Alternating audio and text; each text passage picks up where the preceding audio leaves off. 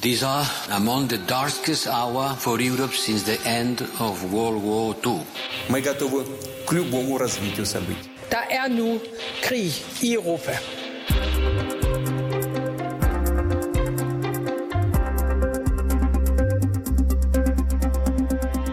Aldrig nogensinde har vi kunnet følge en krig så tæt.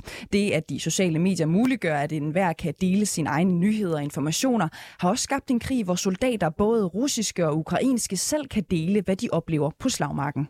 So far, we took out seven Russian tanks after a long firefight to control the area. Right now, we're going to just kind of sweep around and see what we got left. Ja, manden, du øh, hører her, det er James Vasquez, øh, så en amerikansk veteran, som har deltaget som øh, fremmedkriger, og han har siden krigen brød ud i februar fået over 370.000 følgere på Twitter, hvor han så har delt billeder og videoer fra kampene og broadcastet selve krigen. And I rolled my ankle pretty bad again, but it's all good. Pain is just weakness leaving the body, baby. Ja, du lytter til Krig i Europa, hvor vi i dag dykker ned i krigens influencer og undersøger, hvordan nogle af de mere internetkendte fremmedkrigere påvirker slagets gang. Mit navn det er Cecilie Lange. Velkommen til Krig i Europa.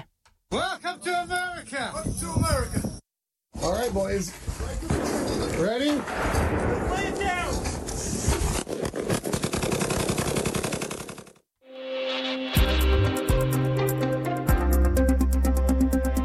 Maja Tusai øh, Greenwood, øh, velkommen til programmet. Og gerne så tæt på mikrofonen som overhovedet muligt, så vi får den bedst mulige lyd. Du er postdoc på Center for Sikkerhedsstudier på øh, Edinburgh øh, Universitet med tilknytning også til Dansk Institut for Internationale Studier ved DIS. Øh, du er forsker i fremmedkrigere og radikalisering og har den seneste tid fulgt en række specifikke fremmedkrigere, som altså broadcaster deres deltagelse i krigen. Vi åbnede jo lige udsendelsen her med at introducere den amerikanske veteran og pro-ukrainske fremmedkriger, ham der hedder James Vasquez. Kan du ikke prøve at sætte nogle ord på, hvem han er? Ja, altså som du selv siger, så er han en af dem, der har rigtig mange følgere af, af de her, øhm, der har en online tilstedeværelse fra, fra Fremmedlegionen. Og, og han, man kan sige, hans øhm, karakter er meget den her øh, Captain America-karakteren, som man også fik indtryk af, det her lydklip, som du, du spillede her. Øh, og han har, har en meget aktiv øh, kommentarspor også, som man kan mærke er øh, primært amerikanere, som, som der følger med igennem ham, og ligesom øh, hæpper, kan man sige, fra, fra sidelinjen der i hans øh, kommentarspor. Det han, hans, hans øh, sådan billedlige udtryk er meget det her hypermaskuline, øh, militariserede, øh, altså store mænd med, med våben. Øh, og så prøver han på på en eller anden måde at give et indblik i sådan en man, man kan vel godt kalde det en idealiseret idé om, om hvad sådan en hverdag i fremmedlegionen øh, går ud på, både i form af kamp og møde med civile og sove på øh, dårlige madrasser på et øh, bord i, og så videre, hvad, hvad, hvad, hvad sådan en hverdag bringer. Lidt alternativ take, kunne man sige, på den øh, gængse influencer, vi kender, hvor det er hotelværelser og bløde øh, senge og, og så videre. Øhm, kan du ikke prøve at skrive, hvor, beskrive, hvordan han ser ud, og hvad der ligesom sådan karakteriserer hans video og så videre? Altså, han, han ligner jo lidt den, altså Captain America-dukken, kan man sige. Altså, det, det er med en militær uniform, og så er det meget firkantet skåret. Øh, og, og en æstetik, der, der bærer præg af det her, altså amerikanske flag, og Øh, en del af sådan noget fanart, som folk også deler på hans profil, som også igen er det her idealiserede øh, billede, som der er taget måske fra forskellige, inspireret fra, fra fiktion, fra spil eller fra film, hvor man så har sat øh, ukrainske symboler ind og amerikanske symboler ind for at gøre det til, øh, til, til hans billede på en eller anden måde. Mm. Det er en så, så jo, jeg tror egentlig, der, der er nogle tråde ind i sådan noget klassisk influencer. Det er bare noget, noget andet end den Instagram-æstetik, øh, men, men jeg tror, der, der er en del. Altså, det, det er en æstetik, som man har set især i sådan mas, maskuline kredser øh, af, af sådan noget influencer. Altså, mm. de amerikanske våbenkredse øh, og sådan noget, ikke? Våbenentusiaster. Du er inde på det lidt øh, øh, nu, altså den her fanart, som findes øh, øh, om ham og til ham i virkeligheden mm. også. Øh, kan du ikke lige øh, give os lidt mere? Altså, hvordan kan det se ud, for eksempel? Jamen, det kan for eksempel være sådan et billede fra, øh, fra en amerikansk øh, krigsfilm, hvor det, hvor det så er ham, der ligesom er, er, er sat ind i stedet for på den måde, ikke nødvendigvis, man, har, man ligesom har photoshoppet hans billede ind, men på den måde, man så har øh, det, det ukrainske fremmedlegionsmærke øh, på armen, for eksempel. Eller det kan være Øh, nogen, hvor det er mere anonymiseret, hvor du har fremmed legion i det hele taget, og så kan det være en æstetik, der er taget fra et krigsspil, altså nogle af de meget velkendte krigsspil, og så har man sat igen det ukrainske flag ind, og måske sammen med det amerikanske flag. Mm. Øh, noget andet øh, er jo så, at øh, øh, Vaskasses indhold her jo også er blevet brugt til på en eller anden måde at overbevise mennesker om at deltage i, i den her krig, ligesom han jo gør. Hvordan kan man se det på, på internettet? Hvordan kommer det til udtryk? Ja, noget af det, som, som man kan sige, der, der gør det ret relevant at holde øje med, øh, der, der gør det ikke bare sådan helt uskyldigt med nogle af de her store influencer-kontorer, øh, er, at, at man har i den her konflikt set, at der kan være enormt kort fra fra idé til, til handling for nogle af dem, som der er taget afsted. Så især nogle af de her profiler, som der kører meget på en æstetik, der er meget genkendeligt, hvis du sidder øh, og har siddet i mange år derhjemme og spillet krigsspil eller set krigsfilm, så er det en æstetik, du genkender derfra, som der lige pludselig øh, fører, hvor der, hvor der lige pludselig er meget kort vej fra at blive inspireret i den æstetik til at befinde sig inde i fremmedlegionen, fordi man havde den her meget, meget brede øh, mobilisering. Så der er nogle af de her Reddit-tråde, hvor, hvor der også er, er øh, øh, veteraner, som der advarer imod at blive hvad skal man sige, forført af, af det her sådan meget glossy øh, idealbillede af øh, The American Hero i, i krig på en eller anden måde, og siger, at der er altså også en virkelighed bag, og det kræver faktisk, at man er veteran, og det kræver faktisk forskellige ting, fordi at ja, vejen har været så utrolig kort fra idé til, at der kom den her, det her kald på, at man kunne komme og melde sig, og der var ligesom mm. nogle meget klare veje ind til at blive trænet, og man kunne meget hurtigt lande ind i fremmedlegionen. Og det kan jeg heller ikke lade være med at tænke på. Altså, det lyder jo som om, at, at Vaskessa skaber sådan et ret romantiseret øh, billede af, af krigen på en eller anden måde. Øh, vurderer du, at det her kan betyde, at øh, opslag som hans for eksempel kan inspirere os øh, uprøvede civile til at drage i krig, måske på et ret forfejlet grundlag? Det giver i hvert fald kun én side af mønten. Øh, kan man, altså det, det giver det billede på, hvordan ser det ud, når man også er en trænet veteran, og man befinder sig derinde. Og, og der bliver måske kun delt nogle af de ting, som som giver et positivt øh, billede af, hvordan det er at mm. være derinde. Og så noget af det, der er hårdt, bliver også trukket frem, men det bliver trukket frem på sådan en måde, at det, det viser, hvor tof vi er, at vi ligesom kan, kan gennemgå noget af det her. Det viser også noget af den konflikt, som der fra starten har været fra, fra Ukraine i at håndtere den her fremmede legion. Fordi på den ene side, så trækker det enormt meget opmærksomhed ind, og det får måske rigtig mange følgere, som ellers ikke vil følge med i, hvad der sker i krigen i Ukraine. Men det gør også, at man har ret svært ved at styre det narrativ, der ligesom bliver øh, delt, eller hvordan man ligesom, hvilket billede, der bliver skabt af, hvem der er derinde, og hvad der bliver delt. Og lad os lige prøve at vende tilbage til det øh, senere. Inden, jeg ved ikke, om du kan svare på det her, men nu, men nu spørger jeg bare øh, øh, alligevel. Øhm, kan det her også, altså det her materiale, som han ligger ud, den her øh, våbenentusiasme, den her øh, Captain America-stil, øh, patriotismen, kan det også øh, tiltrække bestemte mennesker, som øh, måske i forvejen er lidt... Øh, lune på det her stof. Altså, nu kan jeg ikke lade være med at blande alt, men nu, nu ser vi lidt skoleskyderi i USA øh, for eksempel. Kan man ende med at tiltrække de forkerte mennesker til den her krig? Det er i hvert fald det, vi har set sådan helt generelt, er, at, at dem, der har meldt sig, har været en virkelig blandet skare. Så du har nogle af de der sådan ret trænede veteraner, men du har også alle mulige, der overhovedet ikke har den baggrund, men som som har et stort ønske om at se sig selv i den rolle, kan man sige. Ikke? Så det her bliver en vej ind til øh, at kunne se sig selv i den rolle. Og man kan også se på kommentarsporet, og man kan også se på nogle af de ting, det, han lægger ud, at, at det går lige så meget på, hvordan man forestiller sig selv, som det går på, hvordan øh, man forestiller sig konflikten. Altså, der er mange af hans kommentarspor, der spørger til sådan noget med, hvordan reagerer folk på at møde en amerikaner? Så siger han, at de bliver, de bliver helt overstrømmet, og de begynder at græde, fordi nu er Amerika her. Og så er der andre, der kommenterer, yes, our American hero, og sådan noget. Ikke? Altså, du er det bedste, ligesom vores land har vise frem. Så der er også det her billede af, at man får fremstillet sig selv som den her store held. Og det er klart, at det er der mange unge folk, der måske øh, kæmper lidt med, hvor de skal hen i livet, der godt kunne blive forført af den, af den idé.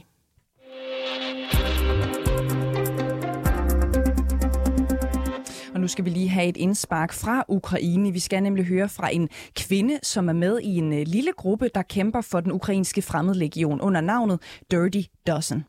All right, boys. Ready? At lyden her kommer fra en video, som øh, Dirty Dozen øh, selv har lagt ud på Twitter og YouTube, og videoen har samlet fået over 60.000 visninger.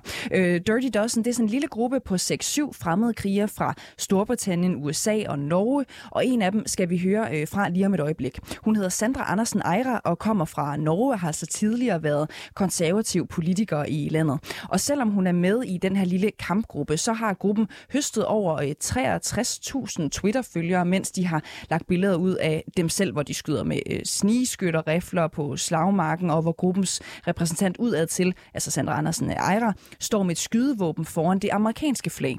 Vi har her på redaktionen været i kontakt med øh, Sandra Andersen Ejra, men det har desværre ikke været øh, muligt for os at lave et øh, interview med hende selv. Vi havde faktisk en, en aftale, som, som hun ikke øh, er mødt op til øh, her i dag. Sådan er det jo, når man er i krig, kunne man fristes til at sige. Til gengæld så har vi taget noget lyd med fra en live Q&A Q&A-optagelse, som er blevet øh, bundet på øh, Twitter den 20. maj, altså for ganske nyligt, hvor nogle af Dirty Dozens følgere har talt med Sandra Andersen øh, Ejre. Lad os lige prøve at høre, hvordan øh, det første klip, hvor hun beskriver, at hun ikke havde regnet med at opleve årstidernes skifte, altså i Ukraine. None of us actually thought that we were gonna experience uh, a season change in Ukraine because when we came there, it was winter, it was snowing. Uh, it was thermal close and all of a sudden you see you see the snow melting and the temperature starting to be like t-shirt weather. And we didn't we did not expect to be around for that to be honest. So um and we like time we have not been able to keep track of time that much. So when we saw people saying happy easter and uh well may came around it's just yeah, it was it, it took us by surprise, really. Um, so from day to day is just one day is a month and a month is a year and it's just etc. So if someone actually asked me what I did two days ago, I don't even know if I could answer that. Um, not because I can't, but because I have no idea. And yeah, it's a it's an unconventional war with a new international legion and a different setup. So even for us, uh, just keep going and going and going and going for two months straight is not the normal. Normally, you have several units rotating to the front so that you can have your downtime and just heal and whatnot. And, and we didn't do that. we just kept going and going and going. So um, it's it's been a lot. It's been it's been a lot. Ja, Maja Tosai øh, Greenwood, du er stadig med os her i øh, studiet. Hvad siger det dig, at den fremmede kriger som Sandra Andersen Ejra ikke bare poster indhold fra slagmarken, men faktisk også har lavet en Q&A på lyd?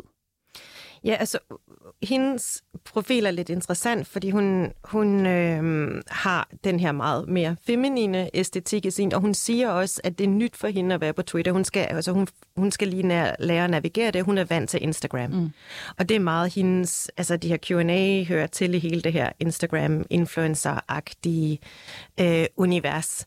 Øh, men, men hun har fået det her sådan lidt offentlige... Øh, hun er blevet repræsentant fra den her gruppe, og, og lægger en del øh, materiale ud øh, også, eller poster en del om deres, om deres tur der. Mm. Og lad os lige prøve at, at komme lidt nærmere øh, øh, Sandra Andersen, øh, Ejras profil på en eller anden måde. Prøv lige, prøv lige at beskrive, hvordan øh, hendes indhold ser ud øh, hvis du skulle prøve sådan at komme med et konkret eksempel? Ja, altså, det har en meget mere feminin karakter end James Vasquez. Hvad vil det sige? Altså, der, det er sådan noget med, der er du de her meget æstetiske billeder af at sidde med et gevær med sådan lidt kælent øh, og et meget sådan imødekommende øh, smil øh, imod kameraet. Hvis man, hvis man sætter det i kontrast til, til James billeder, hvor han står og ser enormt hård og, øh, og firskåret og, og, og klar på kamp, altså sidder hun meget sådan imødekommende og venlig med, med sit gevær. Øhm, og og har også øh, for eksempel, der er lavet sådan en fanvideo til hende, som, som starter med at være delvis billeder af, af hende i krigen der, som, som hun har delt, øh, men som så bliver blandet med, med også lidt billeder fra hende tilbage fra, fra Norge, men også billeder af, af civile ukrainske kvinder, øh, også kvinder ukrainske kvinder i den ukrainske her, så det, så det får det her mere feminine udtryk af at være øh, den kvindelige kamp. Og det er interessant, fordi at, at det, den her sådan, øh, krigsæstetik generelt har det her billede, som James Vaskes profil også har, er, at mændene kommer og forsvarer øh, øh, kvinder og civile osv. Og, og her får man trækker man på en, en æstetik, som vi også kender fra andre konflikter, hvor der bliver det her billede af, selv kvinderne er i kamp. Og man bruger det lidt som en retorik for, hvor nødvendig den kamp er, hvor akut den kamp er, at selv kvinderne øh, Øh, griber til våben øh, og, og, og tager del, fordi så nødvendigt er det, at man får etableret den her legion, og man får forsvaret Ukraine. Vi skal lige prøve at høre et klip mere fra den her Q&A, hvor Sandra Andersen Neira altså får stillet et spørgsmål fra en af deres øh, følgere, som befinder sig i øh, Kanada. Det er den øh, kvindelige stemme, som du øh, vil høre i starten, som altså spørger ind til, hvad der sker i Ukraine den dag, hvor den her Q&A bliver optaget. Lad os lige prøve at, at lytte med. What do you guys have going on in Ukraine today? It's pouring rain at my house, and I was wondering what it's like there. Yeah. The only rule we have is that we can never, never talk about anything present. We can talk about a week ago and a month ago and uh, a year ago. But as for the present, that is, that's the whole thing about this. Um, um, I'm very glad you actually got me into that subject because that's the whole thing about this whole social media and wartime and whatnot because the last few wars there hasn't been any social media to to worry about. And um, we do appreciate all the support we have from from all of you guys on social media. Uh, that's not what i'm uh, uh, gonna po- point out. It's just it's so hard. It's so hard to just try to balance and juggle it. And then of course everybody wants to know as much as possible. Um, and then there's the thing that we can't really talk too much. So when it comes to our missions and when it comes to what we do, like we are not we're not territorial defense, we are not border control, so we have a different set of rules on a much higher level when it comes to OPSEC and uh, how to how and what to respond to when it comes to social media and all of this. Um, uh, most of our, all of our content up until today has just been us having fun or downtime or at the shooting range and nothing about missions ever because OPSEC, OPSEC is number one. And also our privacy. We have our friends and family to think about and protect and our own privacy to protect. And of course, the mission comes first. Um, we always have fingers pointing up our asses about what to say and what to do and what not to. Um, and then it's frustrating because a lot of times I wish that we could tell you all about it and just share everything like a live stream and then we wouldn't have to explain anything but uh, we can't do that Ja, Sandra øh, Andersen Eira fortæller her, at hun og hendes gruppe er meget opmærksom på at dele indhold, som er en lille smule forældet, og som ikke øh, risikerer at fortælle noget om deres missioner på nuværende tidspunkt, der altså kunne øh, afsløre, hvor de er, eller hvordan de arbejder. Øh, Sandra Andersen Eira fortæller jo her, at der er personer, der har alle mulige holdninger til, hvad de må øh, tage billeder af og lægge ud af, af indhold. Øh, hvordan ser ukrainske soldater egentlig på fremmedkrigere, der laver somi-opdateringer fra missioner, måske kan komme til at dele lidt for afslørende, siger i, i gåsetegn, øh, altså indhold fra missionerne? Altså nu har jeg jo primært, primært været i kontakt med, med fremmedkrigere, så jeg har lidt svært ved at udtale mig om, hvad, hvad ukrainske soldater siger til det, men det er i hvert fald noget, der har skabt meget stor splittelse inden for fremmedlegionen, øh, og ned til de her små grupper. De bevæger sig generelt i sådan lidt mindre grupper, og der bliver nødt til at være en eller anden enighed inden for sådan en gruppe omkring, hvordan man forholder sig til sociale medier, hvor, om man lægger selfies op, og hvem der så er med på de selfies osv. Og hvad er det, der splitter dem? Fordi der er nogen, der er rigtig utilpas med det. Ikke? Der er nogen, der både er utilpas med det af sikkerhedsmæssige årsager, fordi der har været episoder, hvor det har udgjort, øh, lader til at have udgjort en, en sikkerhedsrisiko, at man har haft øh, delt for meget om, hvor man er og hvad man har haft lavet. Men også fordi, at det giver øh, også lidt et image eller lidt et billede af, øh, øh, at, at det på en eller anden måde mangler lidt seriøsitet. Så der er nogen, der er i fremmedlegionen, især de her tidligere soldater, som der lidt føler, at det giver for meget et billede af den her selfie-kultur, som man ikke ønsker skal være det, der tegner fremmedlegionens image. Og lad os lige prøve at høre et klip mere fra Sandra øh, Andersen Ejra, hvor en af hendes følgere, der så bor i Norge og er lærer, takker for hendes øh, arbejde i fremmedlegionen. Thank you. Thank you for everything, for sharing from Ukraine. Um, I'm sitting here safe in Norway, um, and I can't even imagine how it must be like down there. But I'm I'm so impressed with everything you post, and it's very nice to follow you and your account. Um, see, I'm a teacher. I have a student from Chernihiv. I'm probably saying it right, but um, she's here, you're there. Uh, both are probably thinking about being home in your respective countries, but and hopefully one day you might be. Um, but still, you being there and tweeting online, it is somehow a link to a world that I don't understand. But I'm teaching now students about critical thinking, online browsing sources, you know, and that gives me this opportunity to use your account as a as a trustworthy source, at least in my opinion. And I wanted to say thank you for that. Um, I just it wasn't. I, I, I wished it wasn't under these circumstances that I got to know about you. See, I, I'm here in Norway, and it's through a war in Ukraine that I heard about you, really wish it was different. Um, 17th of May, that was Norway's national day, so gratulerer med dagen. Um, my student, she was celebrating here, but her mind was probably somewhere else. Ja, det er et længere klip det her, men øh, jeg tror, vi har øh, fået øh, det, det vigtigste, fordi her der hører vi altså lidt fra den her norske lærer, som der blandt andet øh, altså, øh, ønsker Sandra Andersen øh, Ejra glædelig øh, 17. maj, som jo er Norges øh, grundlovsdag. Hvis vi lige prøver at blive ved, ved lærerens kommentar øh, her fra Q&A-optagelsen, hvad bider du egentlig særligt mærke i, øh, at det hun siger til øh, Sandra Andersen Ejra?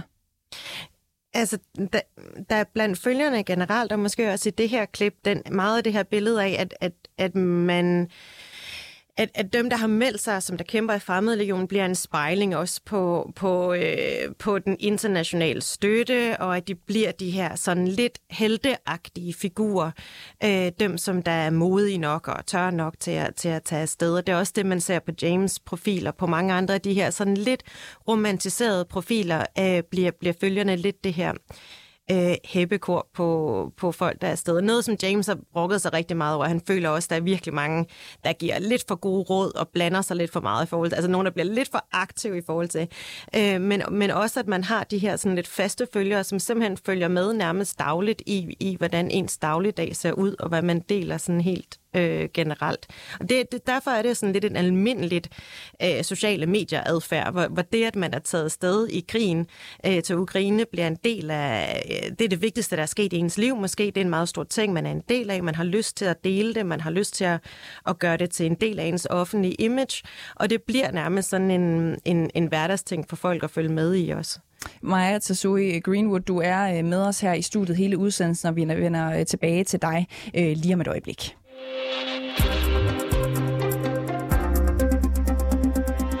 Du lytter til Krig i Europa, hvor vi i dag ser nærmere på krigens influencer. Og vi skal nu øh, dykke ned i, hvordan de her personer bliver opfattet og talt om i Rusland. Og i den forbindelse kan jeg sige velkommen til dig, Søren øh, Liborius. God morgen. Du er tidligere presse- og informationschef i Rusland, og nu arbejder du i EU's fælles øh, udenrigstjeneste, hvor du holder øje med medier og information i Rusland. Vi har vendt nogle af de øh, fremmede krigere, primært med tilknytning til øh, Nordeuropa, Storbritannien og USA, som har gjort sig særlig bemærket i det, at de broadcaster deres krigsdeltagelse på sociale medier. Søren de Borjus, hvordan bliver de her fremmedkrigere og krigsinfluencer bemærket og dækket i Rusland? De øh, fremmedkrigere, som kommer fra USA eller fra europæiske lande, de bliver sådan udstillet som et bevis på, at øh, Rusland har ret, når man siger, ja, men det er jo øh, CIA, og det er England og Frankrig og mange andre øh, fjender, der opfordrer øh, privatpersoner til at gå ned og bekæmpe øh, det, man jo anser som, som, som sine russiske øh, brødre og søstre. Så det bliver sådan øh, Selvom antallet er meget lille, så bliver det brugt som sådan en slags bevis på, at vi havde ret, når vi siger, at hele Vesten er blodtørstig imod os. Og hvilket narrativ bidrager det egentlig til, når en fremmedkriger kommer fra eller har tilknytning til USA for eksempel? så bliver det brugt til at øh, i et russisk perspektiv øh, sige, jamen se bare her, det er et bevis på hulheden i øh, og løgnen i, øh, i den amerikanske fortælling. Øh, selvom man ikke øh, siger, at man formelt har boots on the ground, amerikanske enheder, så gør man alt, hvad man kan fra Washingtons side på at opfordre øh, individer til at, at melde sig. Og, øh, og det bliver udtrykt sådan, at det er en øh, beviset på, at det er en, det er en øh, meget aggressiv ideologi, man jo naturligvis må bekæmpe fra russisk side. Mm. Personer, der rejser ind i Ukraine for at deltage i krigen i, i fremmedlegionen, bliver af russerne ikke betragtet som soldater, men altså som legesoldater. Hvad betyder det for, hvordan russerne betragter deres øh, status i krigen? Ja, fra russisk side har man været øh, ude med et par forskellige meldinger, som øh, alle sammen har skulle, øh, så at sige, skræmme øh, vesterlændinge fra at tage ned og, øh, og melde sig i krigen, ved at sige, jamen I kan slet ikke påberåbe jer øh, beskyttelse efter krigens love, øh, I vil være terrorister osv. Man kan også se øh, det, der foregår i de her dage øh, i Rusland med medlemmer af den såkaldte Azov-bataljon ned fra Mariupol, øh, hvor man jo prøver at køre en retsproces for at få dem til at blive øh, stemplet som en, en terrororganisation. Og øh, det gør man jo selvfølgelig for at skræmme folk væk øh, fra meldelser. sig. Øhm, tidligere i udsendelsen, der fortalte øh, Maja Tassoe Greenwood, som jeg har i studiet i dag, øh, hvordan ideen om, om helte er noget, der er blevet tilskrevet fremmedkrigere fra blandt andet USA, øh, af dem, der altså følger dem. I Rusland, der bruges også heltefortællinger tit i fjernsynet, hvor soldater bliver kåret som helte på, på daglig basis faktisk. Vil du ikke lige prøve at beskrive, hvordan det kan se ud, når det sker? Jo, altså de russiske heltefortællinger, er man, øh, der har man accelereret dem specielt i perioden efter man måtte trække sig tilbage fra området omkring Kiev der i, i øh, sidste halvdel af marts, øh, for at styrke, så at sige, den russiske befolknings øh, moral og respekt over for det. Det foregår ved, at man øh, i tv-udsendelserne om aftenen på, på statslige kanaler, øh, så har man sådan udvalgt sådan en god håndfuld øh, historier om, om denne og hin soldat, øh, Øh, som så, eller hans gruppe, eller hvem det nu måtte være, der så har gjort den og den øh, heltegærning. Øh, og så får man sådan et, et persongalleri af et, et par stykker om dagen. Øh, og så har de øh, reddet øh, deres kammerater, eller de har optrådt heldemodigt under beskydning, eller de har øh, udført opgaverne ekstra ihærdigt, eller hvad det nu er. Øh, simpelthen for at for at give en form for identifikations, øh, identifikation til de øh, russiske seere og lyttere, mm. som jo ellers øh, ikke rigtig følger øh, så meget med i andre, andre ting. Og man bliver lidt træt af at høre Forsvarsministeriets talsmænd tale om, nu har vi bombet dit og datten. Der skal gerne nogle historier på, og det er så de der personlige historier, man så tilføjer. Søren Liborius, ansat i EU's øh, fælles udenrigstjeneste og øh, tidligere presse- og informationschef i Rusland. Tusind tak, fordi du var med her til morgen. Velkommen.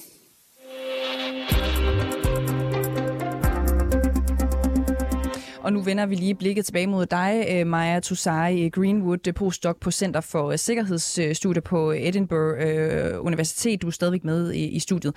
Vi har jo talt en del om flere fremmedkrigere i dag, som lykkes med at skrabe opbakning til sig for deres krigsdeltagelse gennem opsigtsvækkende og idealistisk broadcasting, broadcasting, kan man sige, fra slagmarken.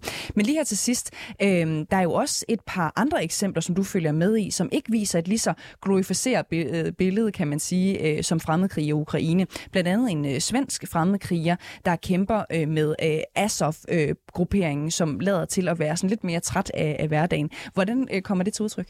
Ja, så det er en ret interessant profil at, at følge, fordi den, den, den har virkelig meget brok øh, med. Altså, så der, jeg, jeg blev opmærksom på den, fordi at den havde en meget lang tråd, som var brok over, at øh, teleselskabet ikke ville hjælpe med at få gendannet dataen fra et taletidskort, som han havde øh, mistet, for eksempel. Og så for fortsat det ind i brok over, at folk ikke delte deres chokolade øh, i gruppen, når de havde fundet noget, heller ikke ville sige, hvor de havde fundet det. Øh, brok over, at folk begyndte at lave te på, på et larmende øh, gasplus for tidligt om morgenen, mens folk stadigvæk sov og sådan noget. Ikke? Og det, der er interessant ved den, er, at man får det der lidt mere ufiltrerede blik ind i hverdagen hos en lidt mere bitter type, som ikke tegner det øh, helt lige så glossy, romantiseret, Instagram-agtige billede, øh, men, men giver også billeder af, hvad for nogle konflikter kan der være inde i sådan en gruppe. Øh, hvordan kan hverdagen se ud, når man... Altså, han er sådan en, der nægter at sove øh, i under dårlige forhold, og så er han vendt tilbage fra en mission, og så er han blevet sendt afsted igen. Og det, det tweeter han ud øh, hele sådan en proces. Øh, så, så på den måde kan, man, kan det være med til i hvert fald at give øh, et lidt mere helt billede af, hvordan sådan en hverdag i sådan en kampenhed der øh, kunne se ud. Er det dit indtryk, at han sådan set får skabt en større følgerskare på at dele ud af sådan den lidt mere ufiltrerede øh, krigsdeltagelse? Nej, han har jo en øh, væsentligt færre følger end, end øh, hvad skal jeg sige, øh, 370.000, ikke? Øh, og, og, og det kan jo have, altså at der er jo en underholdningsværdi, kan man sige, i nogle af hans, øh, af hans tweets, men, men, det, men det giver jo på ingen måde øh, det samme øh, delbare indhold, kan man sige, i sådan nogle sociale medier-termer, øh, øh, at, at øh, at få det her sådan meget mere gritty billede af konflikten. Øh, så så han, at folk, der har de, de profiler, lykkes jo generelt ikke med at få det der kæmpe store øh, opbakning. Så, så vil det være fair at sige, at der måske sådan er et mindre følgemarked i at være øh, mere ufiltreret og realistisk end øh, idealistisk og rom- romantiserende øh, som fremmedkrig i Ukraine? Ja, også fordi jeg synes, det er vigtigt at få med lige her på falderæbet, når nu du selv ser følgermarkedet, at, at mange af de der store profil, profiler bruger jo faktisk også deres profiler til at samle ind,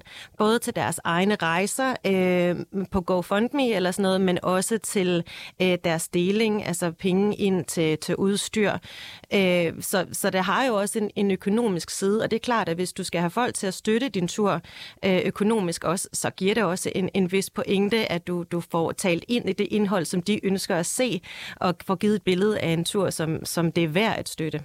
Øh, tusind tak for din tid øh, i dagens program, øh, Maja øh, Tosari øh, Greenwood, altså postdoc på Center for Sikkerhedsstudiet på øh, Edinburgh Universitet med tilknytning til Dansk Institut for Internationale Studier, altså det vi kender som øh, DIS.